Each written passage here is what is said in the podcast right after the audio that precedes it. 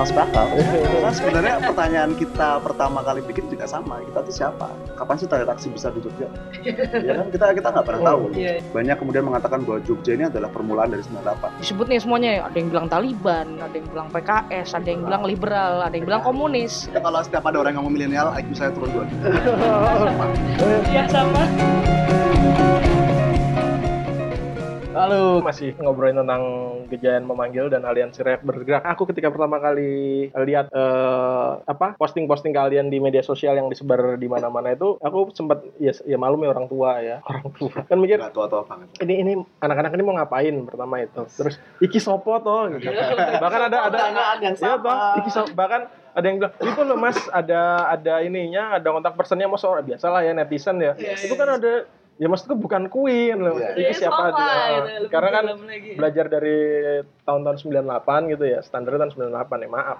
Tahun 98 kan misalnya ada sebuah pergerakan kita mesti tahu belakangnya siapa. Si A ini dulu dia organisasinya ini Oh, memang tiap ada eh, masalah pertanian dia yang turun tangan. Ini apa tiap ada kekerasan terhadap buruh dia dan orang-orang yang bergerak. Jadi kita oh iki can eh, bocah perburuan oh iki Iki. berarti ngerti gitu kalau ini eh, sama sekali nggak tahu gitu. Jadi pertama pertanyaan pertanyaanku eh, apa pertanyaan kepada diriku iki cah cah iki sopo? Terus kedua aku bukan bukan masalah eh, pesimis iki ditunggangi atau apa cuman aku sayang alah sayang sayang naruh cah cah Saya idenya menarik gitu Iya, karena eh, takutnya secara nggak sadar ada orang yang eh, eh, eh, gitu atau menyusupi. Misalnya eh, ada hal ada yang setuju RUU yang PKS ada yang menolak gitu mereka diselipin terus ditwist gitu kan Oh, iya, iya. kan eh, mengerikan ya dunia dunia kayak gituan gimana menurut kalian Eh, apa kekhawatiranku masuk akal nggak sih sangat masuk akal. Karena sebenarnya pertanyaan kita pertama kali bikin juga sama. Kita tuh siapa? oh, iya. Tapi- berarti aku dipisui wong netizen aku rasalah ya Nggak pertanyaan salah. masuk ya Oh, oh, gitu. Ya, Emang kita pertanyaan itu juga ya kita pikirkan. kita pikirkan sekali. Bahkan pertama kali ini dibangun dan kayak ya untuk menjawab itu sebenarnya sederhana ya. Kita aliansi rakyat bergerak. Iya, yang, yang yang yang baru dibangun gitu. Benar. dan eh, aku nggak tahu sih mungkin memang karena kita ini salah satu opini pribadi ya. Hmm. Eh, itu adalah karena memang mungkin elemen apa pelibatan elemen-elemen yang ada di konsolidasi sebelum aksi ini sudah banyak gitu dan memang eh, dengan adanya pelibatan banyak elemen ini kemudian eh, orang secara tidak langsung memvalidasi itu sendiri Hmm. tanpa memang memang sebenarnya eh, kapan sih terakhir aksi besar di Jogja ya kan kita kita nggak pernah tahu Iya, iya, kayak iya, iya. aku pribadi sebagai mahasiswa dan masyarakat Jogja Asli. asli kebetulan eh, juga apa ya bingung juga kenapa kenapa kemudian eh, diperlukan ini dan lain-lain. ternyata memang banyak gitu loh. kenapa kita perlu tekanan dari Jogja? Itu juga sebenarnya banyak pertanyaan kayak tidak mencoba untuk meromantisir gerakan 98 tapi banyak kemudian mengatakan bahwa Jogja ini adalah permulaan dari 98 dan mana nih Jogja mana suaranya? Dulu tuh ingat banget ketika eh, tiga hari sebelum aksi. Itu Hmm. di Twitter Yang pertama ya. yang pertama. Hmm. itu di Twitter sempat menanyakan Jogja mana? Kok Oh. nggak ada pergerakan sama sekali. Apa udah adem ayem gitu kan? Kemudian itu menjadi pertanyaan bersama gitu. Oh ya Jogja nggak ngapa-ngapain ya? Nah itu kemudian kan dengan eh, seperti yang udah disebutin di episode pertama juga eh, bahwasannya ya kita mencoba untuk menaungi bukan menaungi sih menjadi wadah. Membentuk, eh, membentuk menjadi wadah dari semua elemen dan keluh kesah dari setiap masyarakat itu sendiri. Eh, tambahin Eh, sebenarnya juga satu itu tadi soal apa Jogja dan dan eh, kemudian gerakan gerakan da- ya dan sebenarnya gerakan di daerah Hmm. Eh, kita juga ingin memantik sebenarnya ingin memantik gerakan di daerah karena eh, beberapa waktu terakhir di awal-awal eh, munculnya banyak isu nasional gerakan yang paling terlihat kan memang di pusat ya Iya, iya. Eh, terus kemudian kita juga bertanya, ini pertanyaan-pertanyaan informal waktu itu, Hmm. pertanyaan cultural adjustment. eh, sebenarnya perlu nggak sih gerakan di daerah? Akhirnya kita juga akhirnya bikin di situ. Dan akhirnya muncul gerakan-gerakan daerah lain, eh, Bengawan melawan, Surabaya menggugat, Hmm. eh, terus di Malang juga ada dan banyak Sulawesi banyak daerah. Nah, pertanyaan soal kita siapa eh, itu memang nggak hanya ditanyakan oleh orang-orang di luar aliansi rakyat bergerak, tapi di dalam juga sebenarnya. Eh, banyak yang kemudian banyak klaim yang mengatakan bahwa oh gerakan ini ditunggangi oleh apa namanya disebut nih semuanya ada yang bilang Taliban, ada yang bilang PKS, ada yang Liberal. bilang liberal, ada yang bilang PKI. komunis gitu. Terus Ada kayak, satu lagi apa? eh, oleh seorang tokoh yang tempat tinggalnya di ujung jalan Gejayan. Aku malah baru dengar itu. ada, ada selebaran Gak tahu. yang rumahnya di ujung jalan Gejayan. yang Tapi itu justru jadi klaim menarik, politik Mas. Gitu-gitu. Itu tuh klaim menarik karena wah luar biasa ya kejadian ini bisa menjadi titik temu antara liberal dengan PKI, PKS juga- dengan cebong gitu. juga sempat ada Bilang kita nih cebong ya? cebong kita dianggap cebong karena apa karena maunya cuma aksi damai Ah, ah. tekanannya Iya iya Kan iya. kayak, Ya akhirnya jadi jangan-jangan pro Jokowi hanya cuma ingin me- membuat eskalasi, Meredam, meredam. yang ada di Ah. Jogja ya, menurutku tekanan itu nggak harus dan dengan kerusuhan dan kayak uh, bisa kita itu. hmm, itu satu hal. Itu satu hal menarik sih. Akhirnya banyak yang klaim itu. Nah tapi memang eh, yang bisa kami sampaikan adalah ini menurut kami ya menurut kami ini gerakan yang sifatnya terbentuknya secara organik sebenarnya. Sangat organik sangat organik. awalnya sangat informal. Eh, kita nggak memang nggak ada nggak ada apa ya nggak ada niatan untuk menginstitusionalisasi itu juga sebenarnya di Hmm. awal. Kita memang sangat informal di awal dan akhirnya kita mempertemukan banyak pihak terbentuk secara organik dan bottom up gitu Eh, soal tunggang menunggang ini seperti kuda Eh, tunggang menunggang ini memang pasti ada kekhawatiran baik dari luar maupun dalam Eh, ya itu itu sebenarnya kekhawatiran itu pasti ada. Nah, salah satu hal yang yang kita coba lakukan bersama-sama adalah salah satunya itu eh, menolak-penolakan itu tadi. Itu bisa, bisa jadi salah satu jalur agar akhirnya eh, apa namanya ketika misalkan ada tokoh dan eh, kita mengidentify siapa mereka siapa dia kemudian afiliasi afiliasinya itu kemudian klaim itu bisa bisa terus dimainkan gitu loh. dan apa namanya kita nggak kita sebisa mungkin nggak memberikan ruang untuk itu hmm. Eh, karena memang eh, semua konsolidasi, semua pembahasan, keputusan kembali ke Pancasila nomor 4 musyawarah mufakat. Itu sebenarnya kita mencoba untuk sebisa mungkin ya bottom up gitu loh. Kalau bisa bottom up ya kenapa enggak gitu loh. Kita kita selama ini mengkritik proses pembuatan keputusan yang ada di negara dengan sangat top down, Hmm. eh, teknis administratif sekali gitu. Kemudian eh, apa namanya tidak partisipatoris, tapi kemudian kalau misalkan di tataran gerakan sipil tidak seperti itu, itu kupikir juga menjadi harusnya jadi otokritik di gerakan mana pun gitu loh. Termasuk mungkin di gerakan yang ada di Jogja gitu. Nah, eh, kekhawatiran itu pasti ada, kita coba tutup sebisa mungkin. Eh, tapi yang bisa dikonfirmasi adalah eh, untuk teman-teman yang mendengarkan ini adalah ini gerakan yang kita coba untuk selalu bottom up dan eh, terbentuknya secara organik. itu kalau ditunggangi ya jelas. Kalau disusupin, Ah, kalau maksudnya disusun- ketakutanmu. Aku kan pernah menginterview seorang yang dia sangat sangat eh, fasih meneliti Freemason. Ah, Oke. iya, iya. Freema- Freemason Freemason aja- ada ada episode Freemason. Dengarkan episode Freemason ala Siap, apa siap. sih yang jualan siap siap siap Freemason yang yang yang, yang seoke itu itu sempat di- disusupi Illuminati sehingga Hmm. namanya tercoreng sampai sekarang gitu. Oh iya benar. Sekarang Freemason dan sebentar Illuminati sebentar jadi sebentar dua hal yang satu fakta yang menarik ya? tahu emang Freemason beda sama Illuminati Dengar ya. Makanya aku nggak beda. ngikutin soalnya Oh, kamu gak ikutin. Kamu kemakan berarti. dengarkan waktu baca podcast ini episode Iya. Freemason Aku dulu pernah tertarik dengan isu Freemason itu. gitu. Dan Se, akhirnya se, se oke Freemason itu sempat disusupi Illuminati gitu. Aku mikirnya nganti se se sepa, itu. separanoid itu gitu Oh. loh. Gitu. Iya, ben yang disusupi sing medeni malah menurutku Iya, iya, bukan bukan ditungganginya gitu. Kalau itu lagi kebanyakan memang klaim di media sosial sih. Oh, oh, oh. Kalau Disusupi memang eh, apalagi ada seorang tokoh yang bisa masuk TV itu Ah. terus kayak gitu. Oh, kan medeni. mohon maaf Nah, itu ya maksudnya uh, Iya, iya, iya sih iya. mengantisipasi hal-hal kayak gitu gitu. benar. Itu- sebenarnya kalau misalnya ngomongin masalah itu lagi ya sebenarnya ya itu eh, kalau mau lihat dinamika di konsolidasi sendiri itu dinamikanya emang sangat-sangat plural dan cair. semua orang tuh bisa mengangkat tangan dan menyatakan pendapatnya. Hmm. Kemarin ada bahasan ini bahasan ini itu tentang RUU PKS. Hmm. Itu di awal banget ya, Iya, bahkan itu belum dimulai, Hmm. belum di tahap bahasan, bahasan eh, tuntutan. Ada ada yang mengatakan bahwa saya rakyat dan saya menolak RUU PKS. Dan Hmm. kemudian dia mengatakan itu di depan semua orang sekitar seratusan orang di Bonbin waktu itu. Hmm. Dan kemudian ada banyak dialektika yang terjadi di sana. Ada satu dari Komnas HAM, ada yang dari Siempre. Iya, dari dari siapa ada. Itu dia Banyak- banyak dia sekali kemudian mengatakan dan eh, itu diskusi. eh, ya? diskusi, jadinya diskusi. Dan ya tetap bahwasannya kita tetap Oh, me- kita kita mengesahkan RUU kita, kita mengejar itu. mengejar kita dan itu tuh apa namanya untuk ditunggangi atau enggak itu kan kembali lagi suara suara mufakat musyawarah yang ada di konsolidasi itu adalah salah satu cara kita untuk supaya kita tidak tertunggangi Satu hal yang menurutku juga menarik adalah mungkin kedewasaan ya. kedewasaan Kedewasaan dari entitas-entitas yang terlibat dalam aliansi ini adalah soal bukan kompromi ah teman ini mau teman-teman ini mau berkompromi dan dan berdiskusi membuka membuka diri bahwa ini tuh bukan arena pertarungan untuk mencari panggung. mencari panggung atau eh, hanya kepentingan pribadinya saja gitu. Tapi kita eh, ketika pembahasan RUU PKS misalkan, akhirnya teman-teman berdiskusi dan menurutku diskusinya cukup sehat gitu. itu sempat dua kali dibahas Dua kali, Konsolidasi pertama Dua kali.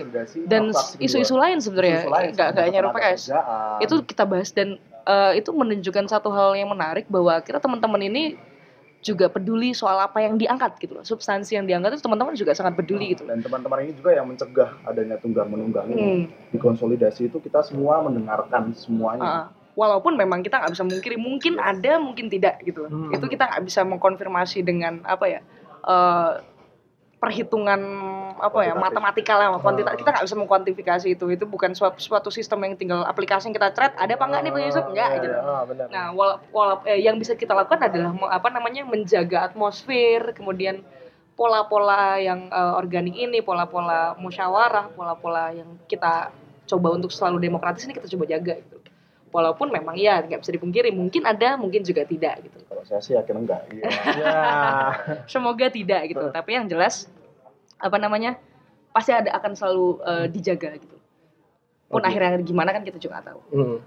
Nah, terus kalau apa eh, ketika apa ya suara gerakan kalian ditwist di media sosial ke arah yang iya iya iya. gitu itu gimana antisipasinya? Eh, kita justru sangat terbantu dari setiap masyarakat yang membantu. Salah satunya adalah Drone Empirit, Mas Fahmi Ismail. Nah, Ismail Fahmi Yes, itu dia membuat suatu analisa Twitter Hmm. di mana dia menunjukkan bahwa kejadian memanggil ini hashtagnya keluar dari klaster baru. Hmm. Ini perlu digarisbawahi ya. Iya, iya. Bahwasannya kita pun dibantu masyarakat untuk menunjukkan bahwa kita li- lihat loh, kita ini gerakan organik yang tiba-tiba muncul. Dan kayak kemarin tuh sudah terpetakan bisa teman-teman bisa lihat di uh, kejadian memanggil juga udah kita sempat Di share juga Instagram di ya? akun Instagramnya bisa dicek juga uh, penelitiannya itu bahwa men- yang menunjukkan bahwa klaster kejadian memanggil ini di dua di ada uh, di luar dua klaster pro pemerintah dan oposisi Oposi- pemerintah op- eh, dalam pemilu. dalam pemilu. Dan yang menarik juga adalah kecepatan uh, informasi ini tuh dalam waktu 12 jam itu sekitar 50 ribu hashtag. Hmm. Dan uh, itu justru apa namanya melihat dan itu udah kelihatan gitu loh peta peta siapa aja peta persebaran siapa yang nge-tweet ini tuh apakah dia oposisi apakah ini buzzer Hmm. kayak gitu tuh semua tuh di, di- ada datanya dan Hmm. itu semua terlihat dan bahwa orang-orang selama ini yang bukan bagian dari pro Jokowi atau oposisi itu tuh muncul ba klaster baru yang dia tuh sangat besar dan itu menginfluence semuanya di semua sana tuh kalau di eh, kejadian memanggil kedua ini ada hipotesa bukan hipotesa ya ya hipotesa baru dari Mas eh, Ismail Fahmi ini juga menunjukkan bahwa kejadian memanggil ini battleground dari kedua oposisi ini jadi kayak kita ini tidak tersentuh dari mereka mereka dua-dua kubu poros ini baru ya, poros baru. politik dan baru, itu pun politik sipil baru. Iya dan itu pun eh, bentuk secara kuantifikasinya bahwasanya gerakan ini juga muncul dari bukan dari kedua dua kubu itu. Meskipun pada akhirnya di kejadian manggil ber- eh, kedua itu kalau misalnya dicek di analisisnya itu juga ada upaya Hmm. dari klaster-klaster ini untuk mengklaim iya. eh, kejadian manggil gitu apa eh, klaster manggil. Nah itu juga menjadi salah satu salah satu kekhawatiran eh, dari teman-teman juga gimana caranya untuk kita mempertahankan soal poros ini gitu loh bahwa kita ini di luar eh, ketika kita bicara pro pemerintahan dan oposisi kita bicara eh, ini ya konteks pasca pemilu ya Iya, iya. dalam artian cebong kampret gitu pun kita nggak bisa memungkiri mungkin di eh, kalau soal vote, voting ya teman-teman mungkin ada yang milih Jokowi ada yang milih Prabowo itu bukan itu bukan pembicaraan yang kita kita Uh, itu yang bukan bu- bukan yang kita tuju gitu. Tapi kita membahas soal bagaimana uh, ada uh, ada tidaknya afiliasi antar Gerjen Manggil uh, dengan kedua kedua apa namanya poros politik pemilu ini gitu. loh. Dan upaya klaim itu ada.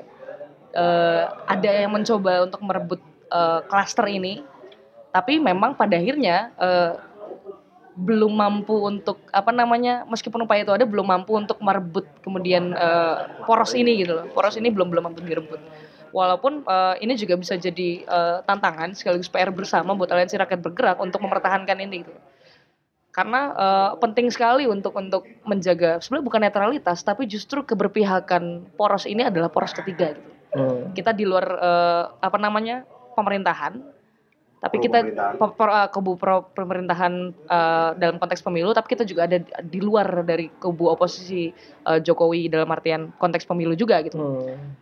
maksudnya mungkin eh, ada juga yang bilang bahwa ya gerakan sipil adalah apa akan selalu oposisi pemerintah tapi yang kita bahas di sini adalah eh, oposisi dan pro eh, konteksnya pemilu gitu cebong kampret gitu. Hmm. nah itu yang juga jadi eh, PR bersama dan itu coba kita, kita coba jaga gitu lah atmosfernya Dan ada juga tambahan kemarin sempat muncul juga di kejar manggil satu itu ada turun hashtag turunkan Jokowi. Ah iya Oh, itu betul. Ya. klarifikasi. Nah itu udah kita klarifikasi dan kita dibantu sekali lagi sama, sama teman sama drone emprit Iya. Don Emprit dia menunjukkan bahwa turunkan Jokowi ini dibentuk dari klaster oposisi dan itu berbeda dengan dan itu berbeda dengan klaster kejar manggil. Kejar manggil. persebarannya narasinya Narasinya. top influencernya Yes. itu juga berbeda Iya, itu juga ada grafiknya kan ketika kejar manggil sekitar 100 ribuan ke atas gitu, dia turunkan Jokowi itu baru muncul seret, gitu. Iya dan iya. itu eh, klasternya sangat jauh gitu loh dari sangat jauh. eh, hashtag. Yoi. Sampai saat ini apa eh, langkah-langkah yang udah dilakukan? Yang kan tadi masih ya sedang tetap terus berusaha ya biar nggak di. Hmm. Yang udah dilakukan apa? untuk ini ya Ah, soal penyusup Eh, penunjangan gitu. nge-twist eh, Oh, tadi, pergerakan segala macam. Kita punya eh, satu keran informasi utama di at kejen manggil di Instagram Hmm. dan kita untuk eh, kita mencoba untuk oke kita informasi dari sini Hmm. bahwa sikap eh, statement rilis kajian apa pun itu kita keluar dari eh, at kejen Akun manggil Instagram itu ya. akun Instagram Kalau yang betul Twitter nggak ada ya. nah di Twitter nggak ada nah di sisi lain teman-teman yang terlibat dalam aliansi rakyat bergerak juga membantu itu loh untuk untuk Hmm. apa namanya jadi untuk sounding terus gitu loh. Hmm. bahwa ini loh kejen manggil kejen manggil sikap seperti ini statementnya seperti ini.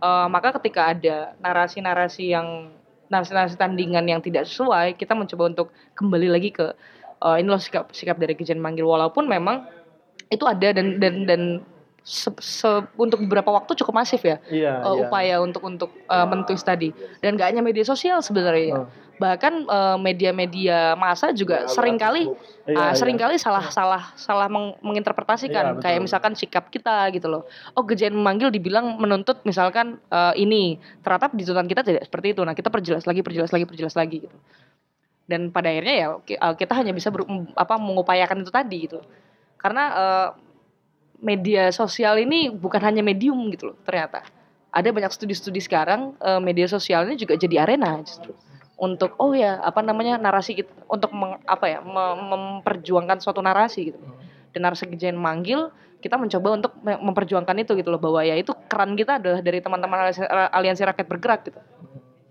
Iya, iya. Kenapa nggak Twitter? Karena kemarin pertimbangan tim Humas sendiri adalah fokus ke satu kanal. Oh gitu Pak. Jadi eh, juga dengan beberapa teman-teman yang lain pertimbangannya adalah bagaimana suatu kata itu lebih gampang ditwist di Twitter. Hmm, betul betul betul. Kesalahan-kesalahan kecil yang terlihat dari mulai kayak banyak sih sebenarnya pertimbangannya redaksional itu gampang banget ditwist dan kayak.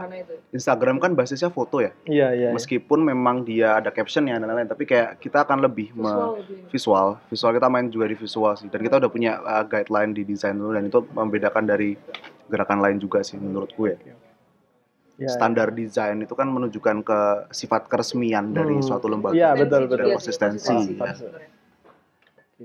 Oke, eh, jadi sebenarnya satu hal yang yang bikin aku di di antara keraguanku kemarin-kemarin itu satu hal yang bikin aku jadi agak percaya sebelum sebelum tahu segalanya itu adalah nggak ada satupun eh, kelompok atau apa pun yang di Kejian memanggil itu yang memakai nama kelompok muda milenial atau apa gitu. Wah, gitu. karena itu kalau setiap ada orang yang ngomong milenial IQ saya turun dua Iya sama. sama kan aduh aduh kalau aku kalau aku menganggap nggak ada kok anak muda yang ke mana-mana eh gue milenial nggak ada Aduh. Iya. nggak ada kan Milenial itu hanya Ada. digunakan oleh orang-orang baby tua. boomer Oh, gitu-gitu oh, untuk makanya. untuk cuma kayak orang-orang yang sentimen sendiri gitu Ya, ah milenial udah Orang-orang tua milih. HP gitu. Iya, padahal HP sih ngomong tuh apa milenial. tidak cringe teman-teman?